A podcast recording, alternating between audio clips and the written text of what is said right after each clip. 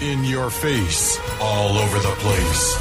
We're online. You're listening to the hottest internet station. Five, five, four, four, three, three, two, one.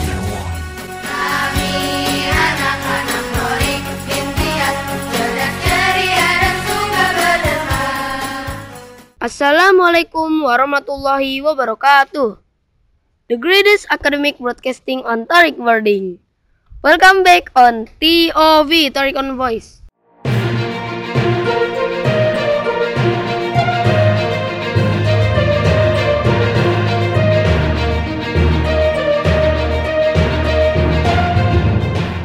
Hello, the beloved listeners.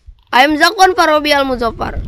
Today on Tariq News, I want to deliver a viral news about Facebook smart glasses. Here's the detailed information.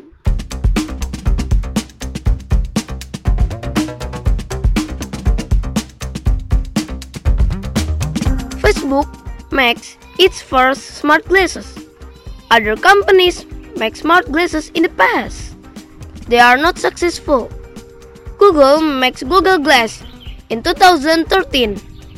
People do not like how the glass looks. Mark Zuckerberg is the boss of Facebook. He says that users of the glasses can take photos and make videos.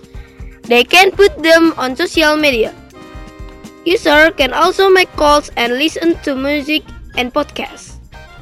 User can wear the glasses and communicate with other people at the same time. Facebook works with the company Ray-Ban. Ray-Ban makes sunglasses. People love how they look. Facebook hopes that people will love the new smart glasses too. Okay, that's all about Tariq News today. I hope you get the knowledge. I'm Zakon Farobi Al Muzaffar. See you on TOV and Voice tomorrow. Bye bye. Assalamualaikum warahmatullahi wabarakatuh.